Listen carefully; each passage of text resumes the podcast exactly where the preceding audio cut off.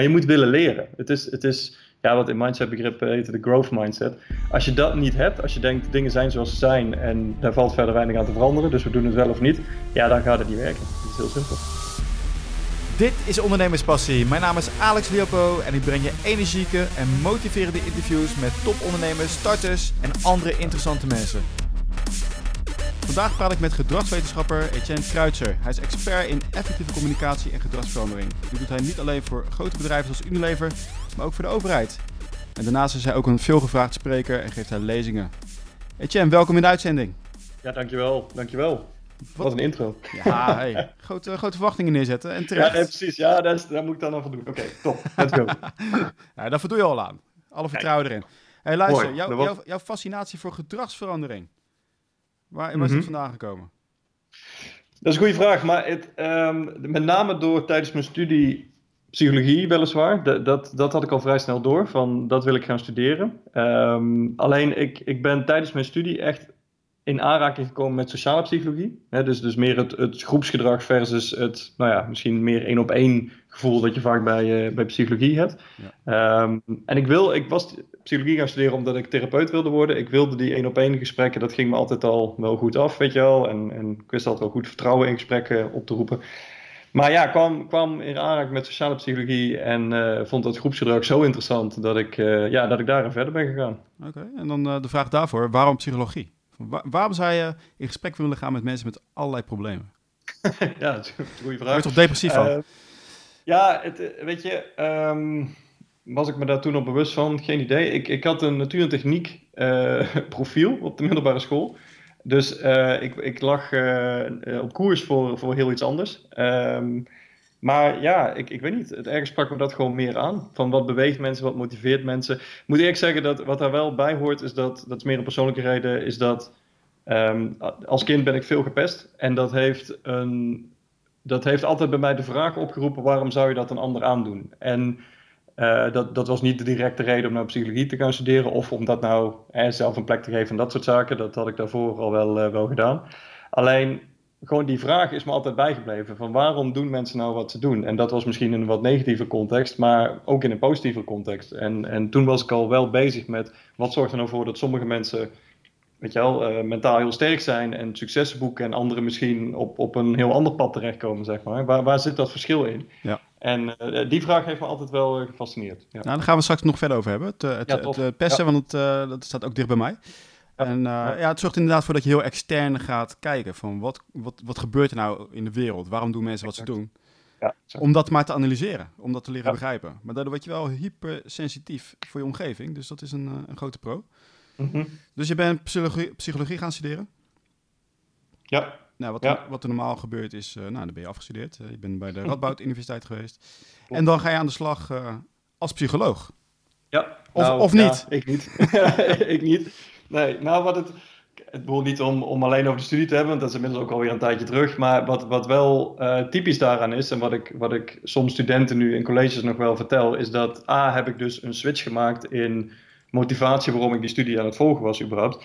En B, had ik, um, was ik eigenlijk stiekem helemaal niet zo'n goede student. Dus ik, ik was goed in de lezingen geven, of de, prestaties geven, zeg maar, en, en hè, uh, gespreksvoering en dat soort zaken maar nooit echt heel goed in kennis reproduceren en dat soort zaken. Uh, dat kwam omdat een groot deel ja, me ook niet zoveel interesseerde. Ik was heel erg niche bezig met dat groepsdeel in de sociale psychologie. Ja. Um, dus dat is een kant. Maar wat, wat vooral daarna gebeurde is, althans wat toen gebeurde, is dat ik een, een, een aantal jaren studievertraging uh, opliep, waardoor uh, de kans bestond, was een soort geluk bij een ongeluk, dat, ja, dat ik een nieuwe opleiding kon volgen in Nijmegen. Die heet gedragsverandering. Echt een praktische toepassing van de sociale psychologie eigenlijk. En um, ja, die, die kon ik toen gaan volgen. Die was er toen ineens. En, um, of ja, niet ineens, daar hebben mensen hard aan gewerkt. Maar in ieder geval, die was er toen. En ja, toen, toen heb ik projectmatig leren werken. Van hoe kun je nou in een organisatie projectmatig gedrag veranderen. En ja, toen we klaar waren met studeren, zeiden mijn uh, uh, vrienden slash collega's van... Ja, weet je, we kunnen nou allemaal naar dezelfde baan gaan vissen. En we kunnen van alles individueel gaan proberen, maar we kunnen ook gewoon onderneming starten en kijken wat gebeurt. En um, nou ja, met, met pas trots mag ik zeggen dat we dat na acht jaar nog steeds aan het doen zijn. Ja, en dat heet uh, Plan to Behavior. Klopt. hey, die onderneming. Nou, wat, uh, gedragsverandering. Een van de moeilijkste dingen die je kan, uh, voor elkaar kan krijgen binnen bedrijven. Dat zijn vaak logge organisaties, althans, zo is de perceptie. Ja, ja dat, is, dat, is, dat zeg je goed. Dat is de perceptie, ja, dat dat moeilijk is. Ja. ja. mensen willen niet veranderen. Die blijven zitten, wij zitten, hakken in het zand. Dus ik denk alle managers gaan al met heel veel tegenzin zo'n mm verandertraject in. En heb je, heb je praktische voorbeelden waarbij een manager komt of een organisatie komt bij jullie en die zegt: luister, ik wil dit voor elkaar krijgen, maar het lukt me niet. Ja, ja eh, voldoende. Weet je, dat is, dat is in de basis uh, ons werk om, om daar iets mee te doen. Um, laat ik vooropstellen dat daar een, een grote uitdaging is altijd. Hè, het is exact zoals je het schetst, dat iemand iets wil van een ander. Dat, dat is per definitie een, ja, een moeilijk gegeven. Hè, kijk, ik kan, ik kan vinden dat jij moet stoppen met roken of dat jij gezonder moet eten of meer moet gaan sporten. En dan zeg jij tegen mij, dat is super dat jij dat vindt, maar dat is niet mijn ritme, dat is niet mijn identiteit, dat is niet mijn, mijn interesse, dat is niet, daar heb ik geen motivatie voor. Dus met het vingertje wijzen hè, van voortaan zullen we het zo doen, dat, ja, dat werkt niet.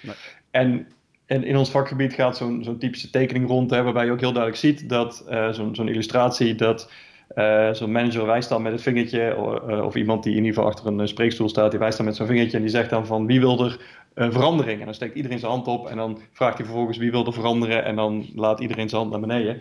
En daar, daar zit de crux in. Dat je, um, kijk, ik denk niet dat mensen niet willen veranderen. Sterker nog, mensen willen volgens mij bij Vlagen heel graag veranderen. Weet je, we gaan ergens anders wonen, andere partner, uh, andere eetpatronen. We proberen nieuwe trends uit. Um, nou ja, die partner wisselen sommigen nog wat vaker tussen. Weet je, we, we doen heel vaak veranderen. We veranderen heel vaak. Alleen, dat zijn natuurlijk wel momenten waar we zelf gemotiveerd zijn. En dat is het grote verschil. Dat je motivatie opleggen, dat is een heel heel moeilijk iets. Ja.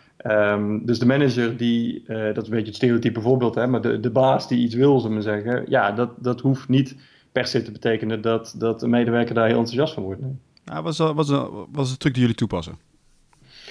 Nou, het, um, ik weet niet of er één truc is. Kijk, context is in deze wel heel belangrijk. Je hebt natuurlijk verschillende soorten organisaties. Je hebt ook organisaties waar um, ja, waar, bijvoorbeeld een cultuur is dat, dat men heel snel in gesprek gaat. Dus dat, dat de baas en de medewerkers een goede relatie hebben, waardoor als die een idee heeft die het inbrengt en dat ze samen gaan verkennen van, joh, hoe, hoe zou dat kunnen uitzien? en waar komt dat idee ook vandaan? Dat is heel vaak iets wat, wat mist. dat, dat, um, of dat nou managers zijn of medewerkers, maar je hebt een idee en je gaat daar zelf over nadenken en dan ontstaat er een soort gedachteproces. En misschien heb je er met een paar mensen over, maar de meeste mensen houden dat redelijk bij zichzelf. En dan plotseling komen ze bij hun collega's of medewerkers met een heel plan. Maar dat, dat kan mensen overwelmen. Hè? Dan, dan, dan lijkt het alsof het al zo is. En ja, mensen moeten ook dingen kunnen verwerken. En uh, dat is het beruchte, hè? mensen meenemen in, uh, in dat proces, zeg maar. Um, en, en ja, dat is bijvoorbeeld een van de dingen van inschatten van hoe, hoe is de cultuur hier? Is, is daar ruimte voor? Zijn mensen ook gemotiveerd om, als er nieuwe ideeën zijn, dus een uurtje mee te denken of daarover in, uh, in gesprek te gaan? Um, wat in ieder geval altijd geldt, is dat als je zegt: Ik wil dat er iets verandert, dan moet er ook iets veranderen. Uh, het kan bijna niet zo zijn dat. Uh, jij bent ook een, een Tony Robbins mens volgens mij, de, de, die, die predikt dat ook vaak. Um, als je wil dat, dat mensen zich anders gaan gedragen in de omgeving die een organisatie toch vormt, hè, of dat nou fysiek is door de muren en, en meubilair of sociaal gezien door de collega's die er rondlopen. Als jij wil dat daar iets in verandert, moet daar iets ook in veranderen. Moet je andere prikkels binnenkrijgen en moet je dus gaan onderzoeken eigenlijk en gaan observeren welke prikkels zorgen nu voor de ongewenste situatie en welke prikkels heb ik nodig. Eigenlijk nog veel belangrijker, welke heb ik nodig om ja, wel de reactie op te roepen die ik, eh, die ik wil zien, zeg maar. Ja, nou misschien laten we een klein uh, voorbeeld nemen. Um, Even denken, wat las ik op je site? Uh, stimuleren brandpreventie, zag ik, kwam ja, tegen. Ja. soms zijn het maar kleine veranderingen. Het zijn niet gelijk hele cultuurveranderingen die nodig zijn. Soms maar kleine veranderingen. Ja, maar bijvoorbeeld voorbeeld van brandpreventie. Ik weet niet of dat een goed voorbeeld is om nu te bespreken. Nou ja, um, ja dat is een goed voorbeeld in die zin dat het, dat, dat wel gaat over een cultuurverandering, oh, toevallig. Um, want dat gaat over, ja, maar het is wel een interessante. Dus, ja. dus een, een, een veiligheidsregel Utrecht, de VRU, die stelt zichzelf als doel, wij willen niet langer de brandweerman zijn die hè, met een checklist een zorginstelling binnenloopt en zegt, nou, dit is niet goed en dit doe je fout en et cetera, et cetera. En hier heb je het rapport en volgend jaar kom ik terug. Even heel gestageerd, maar dat was ongeveer de werkwijze. En wat er daardoor ontstaan was, was een beeld van hè, de, de, de strenge, Norse, maar wel expert uh, brandweerman versus de altijd drukke en, en iets wat chaotische ja. uh, zorgmedewerker bijvoorbeeld. Hè. En die twee beelden werden continu door elkaar ook versterkt. Nou, de, de VRU zei heel mooi van, joh, wij willen veel meer gaan samenwerken. Wij willen op een andere manier met die zorg gaan werken. Wij willen ehm, ja, gewoon anders waargenomen worden, zeg maar. En dat, en dat moest echt vanuit de, de mensen komen, vanuit de organisatie. En um, nou ja, mooi, mooi streven. Alleen wat ze daarbij in gedachten hadden was, daar gaan we een maatregelenpakket voor maken om, dat, hè, om die samenwerking te, te bekrachtigen, zeg maar. Om, om dat te, te stimuleren. Ja. En wat wij toen gezegd hebben, nou, luister, dat is, dat is een mooi streven, dat is goed, laten we dat vooral gaan doen. Alleen als je het hebt over, ik wil gaan samenwerken, Ga dan niet naar je partner toe en zeggen van... hey, ik wil met jou samenwerken, hier heb je een pakket om dat te doen. Maar laten we dan samen dat pakket gaan creëren. Hè? Dus, dus daar zijn we ook middels hè, gaan kijken van... waar zitten de mogelijkheden tot interviews? Waar zitten de mogelijkheden tot, tot gezamenlijke gesprekken, tot samenwerken? En allebei die partijen hebben het heel druk. Een zeer gestructureerd leven. Dus daar moet je een, een weg in vinden. Daardoor kan het wat tijd kosten. Maar ja, daar moet je wel naartoe. En uiteindelijk, om lang van kort te maken, zijn we inderdaad tot dat maatregelenpakket gekomen. En dat bestaat gewoon uit, of niet gewoon, maar dat bestaat uit ehm, ja, omgevingsprikkels. Hè? Dus, dus wat dan in de psychologie nutjes heet bijvoorbeeld, hè? dat je de kleine subtiele dingen in de omgeving ophangt of toevoegt om gedrag te sturen. Mhm. Ehm, maar ook in, in trainingen, in uitleg, in, in anders communiceren met elkaar, elkaar daar ook op aanspreken in, in positieve zin. Hè? Maar gewoon ook zorgen dat dat beeld echt uh, van samenwerken en, en van preventie vooral ook ehm, ja, tot leven komt. En een van de meest typische uh, voorbeelden daarin vind ik altijd dat de brandweer had altijd een beetje de neiging om uh, weet je, als die een informatiefolder maken of iets dergelijks, ook als je daar die panden binnenliep, dan zie je altijd van die foto's met zo'n enorme vuurzee, weet je, aan een paar van die kapotte bomen en zo'n silhouet van zo'n brandweerman met zo'n slurf, weet je wel. En dat is, een, dat is een schitterend beeld, weet je, daar gaat niet om, los van dat het verschrikkelijk is dat iets aan het afbranden is. Maar dat, dat plaatje is natuurlijk visueel heel sterk, alleen bij zo'n zorgmedewerker roept dat enorme paniek op. Van, van oh, weet je, brand, daar heb ik jullie toch voor en ik heb daar een protocol ergens voor. En, terwijl brandpreventie gaat natuurlijk eigenlijk in het voorkomen daarvan. Dus wat we gedaan hebben, is dat ook een hele andere stijl geven. Dat heeft veel meer een stijl van uh, ja, gewoon een, een, zorgcentrum met, met een rustige groene weide ervoor. En, en nou ja, wat, wat patiënten die bijvoorbeeld zorg krijgen en dat soort zaken.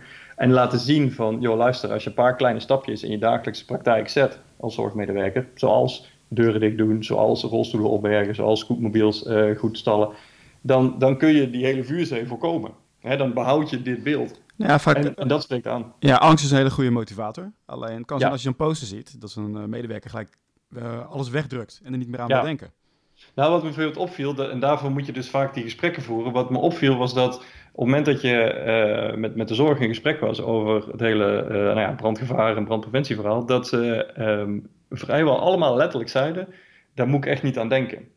En dat kwam omdat een aantal jaren eerder was er een zorginstelling waar een grote brand was geweest. En, en nou ja, dat, dat had ook slachtoffers geëist. En wat je daarmee krijgt is dat mensen dus letterlijk zeggen, maar dus ook letterlijk doen, daar moet ik niet aan denken. Dus op het moment dat dat hier zou voorkomen, ja, dan treedt er een protocol in, in werking, waarvan je dan hoopt dat dat voldoende onderbouwd is. Hè? Want het is natuurlijk niet iets wat je dagelijks meemaakt, dus de, de, de hoop is altijd dat men dan goed reageert. Maar goed, laten we daarvan uitgaan. Daar zijn trainingen voor.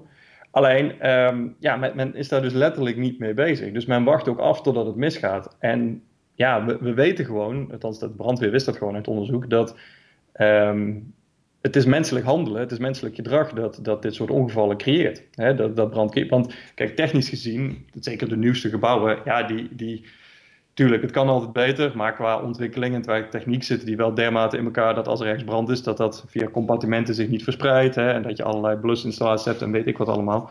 Dus het zit hem in mensen die deuren laten openstaan, die, die nalatig zijn met apparatuur, die dingen um, met jouw kasten voor brandblussers plaatsen, dat soort dingen, zeg maar. Hele praktische dingen die heel logisch zijn in de dagelijkse gang van zaken. Alleen, ja, als je het hebt over brandpreventie, gewoon niet, niet super stimulerend zijn. En je geeft ook aan dat je met uh, dat nudging, ja. Omgevingsprikkels. Vaak zijn het de kleine dingen. Dus het is meer dan alleen maar verhaal vertellen van luister, we moeten X, Y en Z doen. Nee, je gaat in de omgeving ook uh, triggers neerzetten. Ja. Wat voor triggers hebben jullie bijvoorbeeld daar neergezet? Um, nou, een van de dingen die we bijvoorbeeld gedaan hebben, is dat we. Um, ja, we, hadden daar bedacht om. Dat noemden we een, eh, een tabletop. Die, die oefening bestond al, die hebben we wat, wat aangescherpt. Uh, een tabletop is een oefening waarbij je de plattegrond neemt van, een, van bijvoorbeeld een zorginstelling waar je op bezoek bent. En dan met Lego-poppetjes ga je als het ware situaties uitbeelden. Van stel dat daar brand is, wat, wat zou er dan gebeuren, waar, waar is iedereen, et cetera. En wat we vervolgens gedaan hebben, is gezegd, nou, stel dat daar brand is, dan zijn bijvoorbeeld die en die brandpunten, uh, of brandmelders belangrijk, of die brandblussers. Laten we daar eens naartoe lopen. En dan zijn we naartoe gelopen. En toen hebben we aan de medewerkers gevraagd van oké, wat zou je er nou aan doen om uh, je collega's die nu niet bij deze training zijn, want ja, je kunt vaak niet iedereen uh, trainen, um, om die een prikkel mee te geven. Hoe moet die prikkel eruit zien? Um, om, om te zorgen dat zij ook snappen van, oh wacht, daar hangt zo'n zo'n brandblusser. Of hey, dat is daarvoor. Inderdaad, zonder dat je misschien op een enorme informatieve tour gaat. Want ja, mensen zijn al druk genoeg en, gaan ook geen hele verhalen lezen inderdaad. Maar hoe kun, je dat, hoe kun je dat dan doen? En een van de dingen is bijvoorbeeld dat we um, ja, weet je, een hele duidelijke markering hebben gemaakt voor waar je uh, scootmobiels kunt parkeren. Hè? Dus, dus letterlijk vakken maken bij wijze van spreken. Of dat we um, ja, de, de brandblussers uh, echt, echt als het ware als een soort kunstobject aan de muur hebben gehangen. Hè? Dus dat je echt uh, stoelen en tafels daar echt omheen zet, als het ware. Dat heel duidelijk is van die hangt daar. Um, maar ook, ook uh, pijlen of uh, deurhangers die maakten dat men wist van, oh, dit is een brandwerende deur. Dus die moet in ieder geval dicht zijn. En um, ja, dat waren de eerste visuele prikkels eigenlijk om dat gesprek op gang te brengen. En ook een soort sociale olievlek te creëren van, we zijn hiermee bezig. En um, ja, zo, zo, is dat gaan groeien als het ware. Ja, je geeft ook aan, er zit sociale controle op. Ja. Hoe uh, heb je ja. dat daar bewerkstelligd? Nou, dat is uh, goed opgemerkt. Wat, je, wat, daar, uh, wat in dit project heel belangrijk is, is dat um, we hebben op een gegeven moment wat wij noemden een takenposter gemaakt. En die takenposter betekende dat als je bij die tabletop was geweest, dan kreeg je een taak mee. Dat was bijvoorbeeld de brandblussers elke drie maanden een keer controleren. En um, die werd je dan toegewezen en er was een, was een grote poster en, en, dat had allemaal kleuren en symbolen. En als je dan bijvoorbeeld die taak kreeg van die brandblussers, dan kwam jouw naam erbij te staan. En als je die had uitgevoerd, dan verschoof je jouw kaartje uh, met die taak verschoof je naar het midden van hè, dit is als het ware uh, afgevinkt. En er was één iemand die hield die poster in de gaten, dat ook wel genoeg briefjes naar, naar dat midden toe gingen. En het was zo dat op het moment dat een uh, brandweerman nu op controle komt, dat hij naar die poster kan kijken en kan kijken, hey, wat is gelukt en wat niet? En hoe komt het nou dat sommige dingen niet gelukt zijn? Dus dat, dat sloot veel beter aan bij de praktijk eigenlijk dan gewoon met een standaard checklist door zo'n gebouw lopen.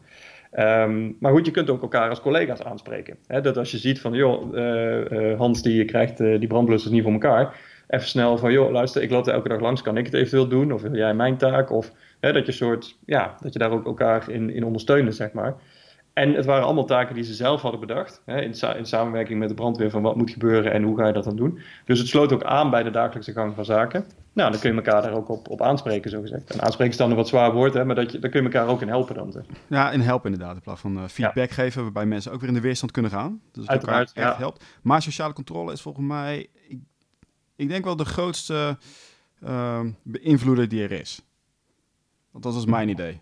Van uh, als je in een grote groep het, zit, ja, het, dat ja. effect het, de, de, het wordt in ieder geval vaak niet meegenomen. Maar ook waar we het eerder over hadden, als je het hebt over de, de manager die een verandering niet doorgevoerd krijgt. Kijk, een van de twee dingen die daar eigenlijk vaak vergeten worden, is dat A. Um, hij als individu, laten we even als man een voorbeeld nemen. Hij als individu heeft um, niet goed in kaart dat hij tegen een groep praat. Hè? En het groepseffect is heel sterk. Dus inderdaad, als mijn collega het niet doet en zijn collega ook niet, waarom zou ik het dan wel gaan doen? En um, B, laat je dus ook eigenlijk een beetje een kans liggen als manager in dat geval om te zeggen, joh, laten we dit allemaal gaan doen. Het is ook niet, het is vaak zo dat heeft de manager een idee, die gooit dat die groep in. Maar hè, wat ik al zei, als je wil dat er iets verandert, moet er iets veranderen. Misschien moet je zelf wel eerst het goede voorbeeld geven. Of in ieder geval aangeven welke rol ga je daarin spelen. Misschien moet iemand anders wel even de manager tussen aanhalingstekens worden in dit project. Oké, okay, wij gaan allemaal gezonder eten. Luister, beste Henk, jij uh, bent volgens mij al een fanatiek sporter kun jij niet dus het voortouw nemen? Hoe gaan we dat hier introduceren? En dan net zoveel leren als jouw medewerkers, zeker uw collega's op dat moment. En dat merkte je hier ook sterk in, in die zorginstellingen. Kijk, brandpreventie gaat over hiërarchie heen. Dat is niet iets waar, waar de baas zich niet aan hoeft te houden. Niet dat ik zeg dat, dat de, managers daar die behoefte hadden. Maar het maakt niet uit wie je bent. Sterker nog, de patiënten moeten daar ook in meedoen. Dus, dus die sociale olievlek is inderdaad heel belangrijk. En, en die controle op elkaar is ook. Ja, dat dat bepalend is, um, 100%. Ja, wat ik ook van merk is inderdaad, er moet een sterke leider zijn die het voortouw neemt. Ja. Dat zie je ook al in die, die, oude films. Ja. Napoleon die staat ook vooraan. Mensen kopiëren dat. Dat is echt niet te onderschatten. Ik, ik kom wel eens teams tegen waarbij een, een, manager bijvoorbeeld niet het gewenste gedrag vertoont. Ja. En waardoor alle medewerkers zeggen van nou, nou ja, dus uh, blijkbaar hoeft het niet. Nee, natuurlijk. Ja, het is... Het... Kijk, ik moet eerlijk bekennen dat ik me daar ook nog wel eens over kan verbazen. Hoezeer, we maken het niet vaak mee, maar het komt voor dat je um, inderdaad dat, dat een manager of eigenlijk iemand, moet ik zeggen, iets wil van anderen, maar zelf niet bereid is om dat te gaan doen of het zelf niet doet. En dan denk ik van, ja, het, is dat dan zit je er dan wel met je volle hart en verstand in? Hè? Is, is dat dan wel echt iets wat jou ook motiveert en waar je ehm, zelf enthousiast van wordt? En als dat niet het geval is, gaan mensen dat toch proeven. Weet je, want dan heb je dat verhaal erachter niet. Dan heb je die, die behoefte niet om, om mensen aan te sturen en te begeleiden als dat nodig is. En om, om een extra stapje te zetten op het moment dat het misschien de eerste keer even niet lukt, maar wel potentie erin zit. Ja, weet je, als je, laat ik het zo zeggen, als jij niet wil leren, kijk, je hoeft het ook nog niet allemaal in één keer goed te doen. Dat is vaak ook de misvatting. Hè? Dat, dat het ook allemaal in één keer goed moet, ook als je degene bent die het idee voorstelt. Maar je moet willen leren. Het is, het is ja, wat in mindset begrip heet de growth mindset. Als je dat niet hebt, als je denkt dingen zijn zoals ze zijn en daar valt verder weinig aan te veranderen, dus we doen het wel of niet, ja, dan gaat het niet werken. Dat is heel simpel. Ja, dat word je op school, uh, op school heel goed uh, afgeleerd om fouten te maken. Ja. Dus dan moet je er weer in krijgen. Inderdaad, ja. geef je fouten toe. Uh, ja. En dan groeien we. Dus op die manier gaan we verder, niet dat afstraffen. Ja, en weet je, fouten toegeven is, is, maar ook gewoon van, ja, hoe, hoe is dat nou gebeurd? En, en hoe kun je er inderdaad van leren, zeg maar? En kijk, ik, ik heb het zelf een keer, heb ik het letterlijk zo toegepast. Um, tijdens mijn studie was ik, wat ik zei, ik was niet de, beste student, maar ik was wel iemand die durfde te presenteren. En dat maakt dat je, als je samenwerkt in een groepje al heel gauw je rol bekend is, want ja, menigeen vond dat spannend. Dus, dus daar, heb ik, daar heb ik het spreken geleerd. En de, de lol was een beetje dat toen wij onze onderneming begonnen en uh, mijn collega's zeiden van, oh ja, dan gaan we lezingen doen, want hè, dat is een ideale manier om onszelf voor te stellen en te laten zien wat we weten. En jij kan dat goed en je vindt dat leuk. En dat was ook zo. Alleen, die context was wel heel anders. Hè? Ik bedoel, voor, voor studenten die niet durven versus managers die ervoor betaald hebben, daar is wel een verschil. Dus die eerste paar keer ging ik helemaal nat. En toen heb ik ook gezegd: Oké, ik ben wel gemotiveerd. Ik vind het wel nog steeds heel leuk. En, en ja, ik merk dat daar iets, iets in mij wakker wordt. Alleen, ja, ik moet wel gaan leren. Dus ik heb na elke lezing, doe ik tot op de dag van vandaag, ofwel uh, evaluaties of voor mezelf opschrijven. Of ja, eigenlijk moet ik zeggen en. evaluaties bij de aanwezigen, evaluaties bij mijn collega's die erbij is. Uh, zelf opschrijven, wat vond ik wel en niet fijn en prettig en goed lopen. En, en continu mee bezig zijn op het moment dat, uh, ja, dat, een, dat een lezing staat. Ja, zeg maar. En uh, neem je zelf ook op? Uh, niet altijd. Dat, dat, is niet, dat is niet iets waar ik het op tegen ben. Maar het is uh, een beetje de vraag of mensen die aanwezig zijn niet zenuwachtig worden voor de camera. De, dat is niet overal gewenst. Maar um, ja, vaak zat gedaan, inderdaad. Ik bedoel, uh, mooi feedbackmiddel natuurlijk. Goeie tip inderdaad, als je jezelf filmt. Dus je hoeft niet, niet eens publiek te filmen. Dat doe ik altijd. Ja, en dan zie je binnen drie tellen, je ziet al gelijk van... Oh, dit moet echt compleet anders. Maar je ging er heel snel overheen. Je ging helemaal nat, zei je. Wat ging er mis? nou, wat bijvoorbeeld... Ja, nee, dat is heel goed. Maar dat, dat is juist het leren. Kijk, wat ik, uh, de neiging die ik bijvoorbeeld had, in, um, die, die voorkwam uit, uit de studie, waarin je altijd op zoek was naar, oké, okay, een docent ziet twaalf van die presentaties, hoe kunnen wij nou anders zijn? Is dat je soms de neiging, althans ik soms de neiging had om het te anders te gaan doen. Dus ik heb presentaties gegeven in de derde persoon en ik heb um, ja, allerlei verschillende vormen erbij gehaald en, en ja, weet je wel, verhalen en anekdotes en het allemaal heel groot gemaakt en, en soms misschien wel theatraal. En dat zijn allemaal dingen die op zich heel goed kunnen werken, alleen waar je wel, ja, daar moet je in oefenen. Zeg maar dat kan niet allemaal in één keer goed gaan. Bijvoorbeeld ook een, een, een quiz inbouwen. Een quiz vind ik een geweldige manier om een lezing wel interactief te maken, maar ook om een soort van controle op het programma te houden. Ja. Um, alleen een quiz leiden is weer heel iets anders dan uh, gewoon een verhaal vertellen, zeg maar. Dus, dus ja, soms is de eerste keer niet altijd even goed gevallen. Nee, dan, dan wist ik het gewoon niet met de overtuiging te doen die ik zelf wel in mijn hoofd had. En um, ja, deels was dat ervaring en deels was het ook gewoon nog niet zo goed zijn en inschatten van wat zou deze groep nou wel en niet willen. Ja, ja, ja. Uh, vaak willen ze toch al wat ze al gewend zijn.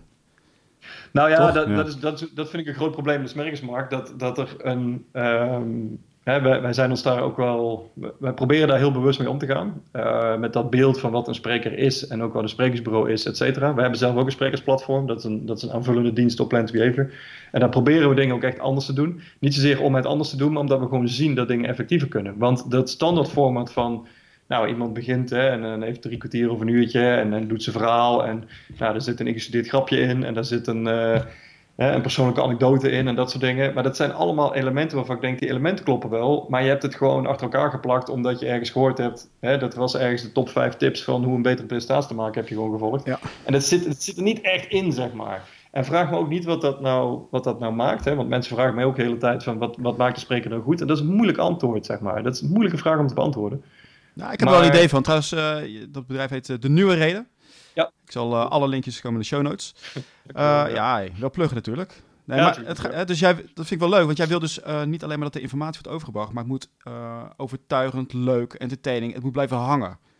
Dus ja. veel meer nou engagement moet je hebben met de mensen die luisteren. Ja, en, en dan, komt, dan, dan komen we op een, op een interessant vlak, zeg maar. En, daar, daar zou ik nog drie uur met je over kunnen babbelen. Maar uh, ik zal het proberen kort te houden. Um, dat, dat, dat, dat, dat is precies wat je nu zegt, maakt het heel lastig. Want ja, je wil al die dingen doen. Je wil entertainen, je wil raken, je wil uh, verbinden, je wil um, uh, je, je inhoud kwijt. Maar eigenlijk moet je een van die doelen kiezen. dat, is, dat is wat de meeste sprekerstrainers, uh, presentatiecoaches leren. Van kies een van, in ieder geval als hoofddoel. dus, dus wil je echt informatie overbrengen, top dan, dan vergt dat een bepaalde stijl en een bepaalde manier van doen. Wil je echt entertainen, dat is een andere stijl.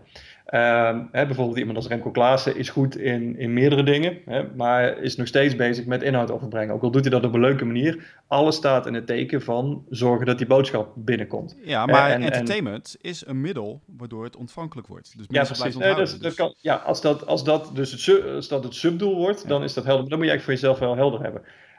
Um, Tegelijkertijd denk ik wel dat mensen, ehm, maar dat heeft ook te maken met hè, de werking van de hersenen en hoe we, hoe we uh, als, als mensen geprogrammeerd zijn en bla bla bla, dat, je, dat mensen te veel vertrouwen op inhoud. Dat is wel een gegeven. Hè. Mensen zijn heel erg bezig met wat wil ik vertellen en niet zozeer hoe ga ik dat vertellen. Ja.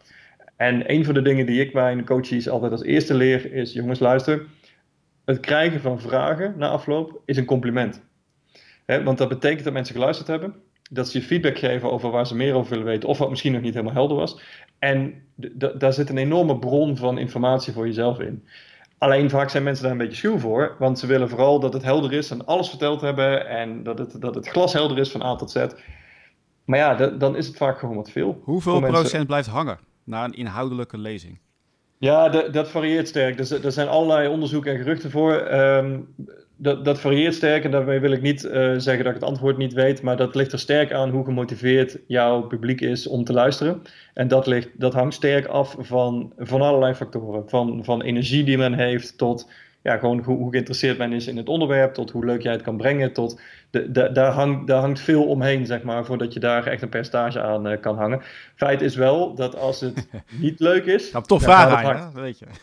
Ja, nee, dat snap ik. Ik probeer ook zo lang mogelijk tijd te vullen totdat jij zegt, nou, we moeten. Maar, nee, maar het, uh, ik bedoel, we weten dat, uh, althans, ik weet, als ik, ik ben die exacte percentage niet eens meer, maar volgens mij is het iets van Hè, als je de zaal uitloopt, is, is nog maar 70% blijven hangen. De dag erna staat 30 en na een paar dagen is dat eigenlijk nagenoeg nul. Juist. Dus, um, maar ik zeg, het, ik zeg het niet voor niks. Hè. Het is voor de mensen die dus inhoudelijk alles willen vertellen.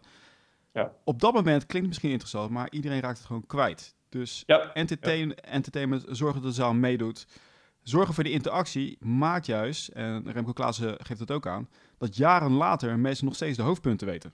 Mm. Nee, precies. Kijk, en, en een van de dingen die ik daar ook uit haal is dat. Ehm, wat, wat ik bijvoorbeeld mensen veel zie doen, is dan zeggen ze: ja, ik moet ook een anekdote of een voorbeeld of een verhaal vertellen. En dan gaan ze een verhaal vertellen en dan vervolgens begint nog steeds diezelfde saaie inhoudelijke lezing. Weet je, dus dan beginnen ze op zich goed. Althans, ik zeg niet dat een verhaal de manier is om te beginnen, maar het, voor veel mensen maakt het inderdaad de presentatie wel beter uh, ten opzichte van waar ze stonden. Maar dan, ja, daarna komt nog steeds hetzelfde saaie kutverhaal wat ze eerst hadden, zeg maar. En dan denk ik van, ja, maar dat, dat is niet de bedoeling, Harde zeg maar. taal, joh. Kijk, zie je, dat komt ook aan. Ja, nee, de woorden die je kiest, maar het is wel zo, hè. Je maakt mensen... Ja, maar het is, maar het is En, en dus, dus dan zit je op de goede weg. Alleen dan moet je dus wel leren van, eigenlijk moet ik niet een verhaal uh, toevoegen. Die hele presentatie moet een verhaal worden. Ja. Weet je, en dan moet ik continu naar kunnen verwijzen. En, en dan moet ik mensen mee kunnen nemen dat, dat het verhaal moet groeien als ik op het moment dat ik nieuwe info deel, bij wijze van spreken. En, en ja, dat, dat, is, dat vraagt gewoon vaak op een andere manier van, van naar je inhoud kijken, zeg maar. Dus zonder dat je inhoud wegstreept, kun je, moet je het gewoon anders gaan presenteren. Je moet gewoon een beetje de saus moet je anders maken. Ja, het is een heel diner, weet je. Niet alleen maar uh, de, de voedingsstoffen, maar ook een beetje mooi ja. maken. Ik ben ja, maar dat helemaal voor. Ook, ook wat je, uh, weet je, daar geldt hetzelfde voor als voor die manager. Je moet, je moet ook daar zorgen dat jij niet degene bent die het allemaal maar even komt vertellen. Maar dat je ook daar uh, een gemeenschappelijke factor gaat zoeken met je publiek. Ja. En natuurlijk mag jij de expert zijn en de spreker. Alleen weet je, ooit wist jij het ook niet. En jij bent het gaan uitzoeken. Ja. Hè, de, het, het, stereotype voorbeeld van een verhaal, of de, de, de, de niet stereotype voorbeeld, de, de, de meest gangbare manier om een verhaal uit te leggen is, er is een probleem, er is een zoektocht en er is een oplossing. En schets dat nou ook voor je publiek, van hoe jij met die kennis in aanraking bent gekomen en wat dat voor jou heeft betekend en wat het dus voor hen kan betekenen. En al die spiegelneuronen gaan af en dan komen ze er ja. zelf achter. Zeg, waar we, net, waar we net bij begonnen, en daar wil ik ook mee, mee eindigen. Uh, ja. Jouw fascinatie met gedrag, uh, gepest vroeger als kind ja. Nou, ik, uh, ik herken het zelf ook. Ik heb er ook last van gehad. Um, Ja, ik was totaal niet weerbaar toen ik, uh, toen ik jonger was. En dat heeft mij ook getriggerd om ook naar de psychologie te gaan. En destijds was dat een opleiding maatschappelijk werk en dienstverlening. Ze weten dat nog. Ja, tof. Ja, maar ook inderdaad met psychologie van hoe werkt het nou allemaal? dat is gebleven. Mhm. wat ik heel mooi vind bij jou is dat je er ook nu wat mee wil gaan doen. Dus kan je daar wat over vertellen?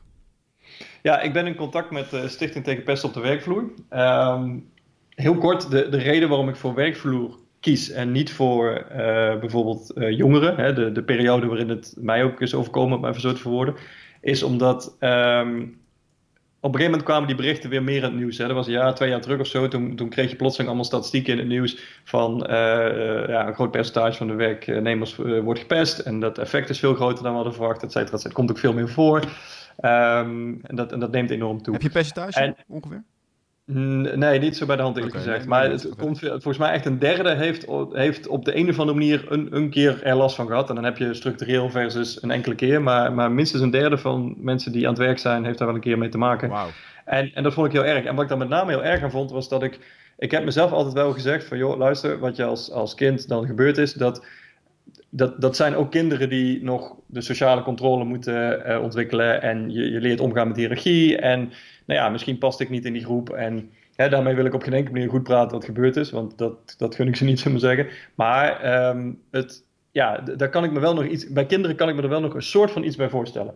Bij volwassenen al een stuk minder. En um, het, het idee dat je, um, nou ja, zoals je zegt, hè, je, je, je gaat naar de middelbare school, je gaat studeren, je studeert af, je, je start, je, je wordt psycholoog of weet ik wat, je gaat ergens werken en dan zou het je weer overkomen. Dat ging er bij mij niet in. Daarvan dacht ik van nee, dat is wel een hoofdstuk waarvan ik denk, dat heb ik afgesloten en het feit dat het me weer zou kunnen gebeuren, dat, dat trok ik niet. Dus heb ik daar wil ik me voor in gaan zetten. En toen heb ik contact gezocht met die stichting en uh, nou ja, die geven trainingen, die geven advies, die geven Um, ja, die zijn zelf nog in ontwikkeling als stichting zijnde. Toen heb ik gezegd, nou, wat, wat kan ik voor jullie doen? En dat zijn we nu aan het bespreken, wat ik, wat ik voor hun kan gaan doen. Ja, nee, heel erg gaaf. Een derde, dat verbaast mij. Ik wist niet dat het zoveel was. Dat is echt gigantisch Ja, en op sommige plekken... Ja, en ik zal je... Uh, ik wil niet te veel uit school klappen, maar het grappige is dat het uh, met name... Althans, voor mij was het grappig dat het met name in sectoren voorkomt, bijvoorbeeld de overheid, waar, waar ik het het minst verwachtte.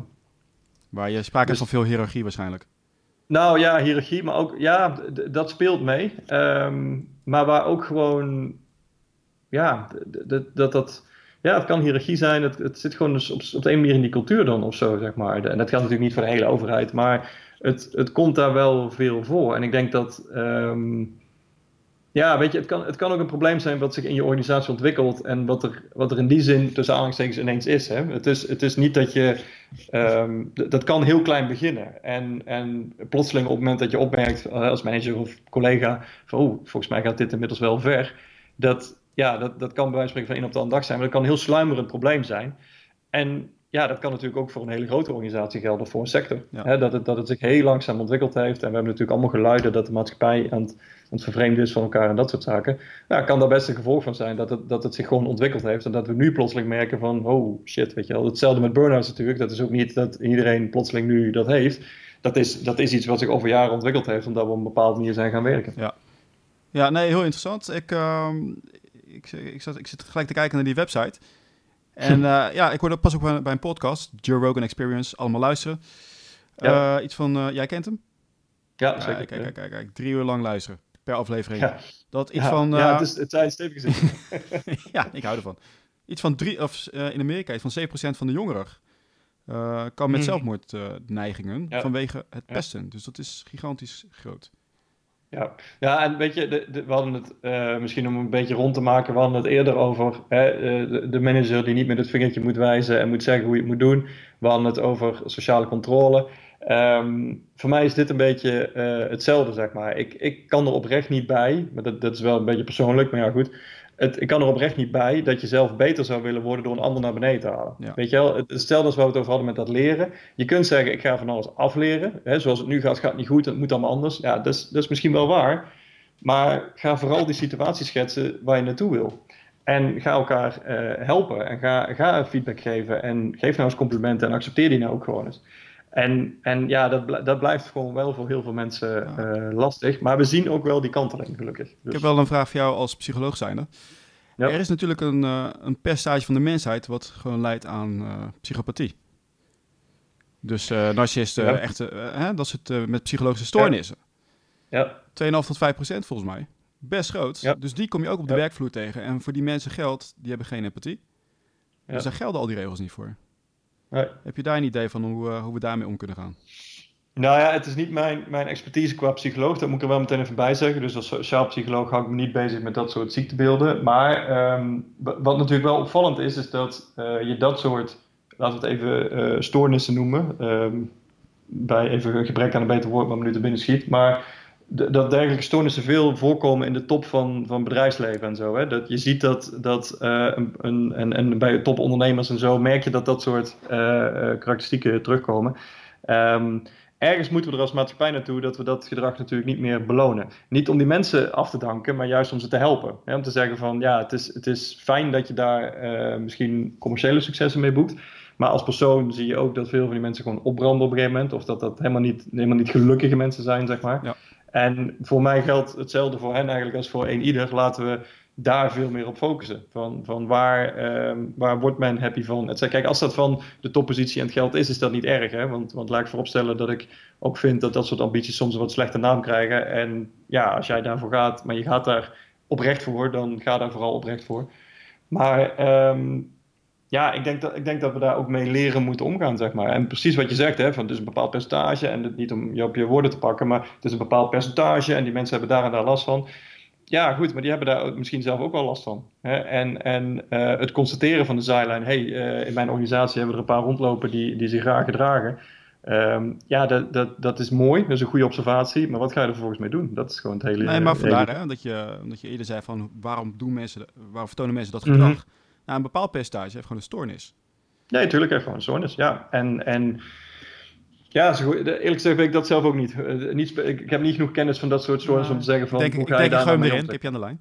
Ja. Nee, nee, heel goed, nee, goed. Maar ik vind het ook een heel interessant vraagstuk. Ja. En ik moet zeggen dat ik, dat ik nu ook heel erg getriggerd ben om daar, uh, om daar nog eens even over na te gaan denken. Maar ik, ik, ja, ik wil ook niemand tekort doen met een antwoord dat niet helemaal nee, uh, onderbouwd perfect, is. Mooi politiek, ja. politiek gezegd. Nou, mijn luisteraars hebben hier wel meer ervaring mee. Hoor ik het ook graag. Stuur even mij van Ja, zeker. Ja, ik ook. Ja. Uh, want ik, ik, wil, het is ook een onderwerp, onderwerp wat ik wil, uh, graag naar voren wil schrijven.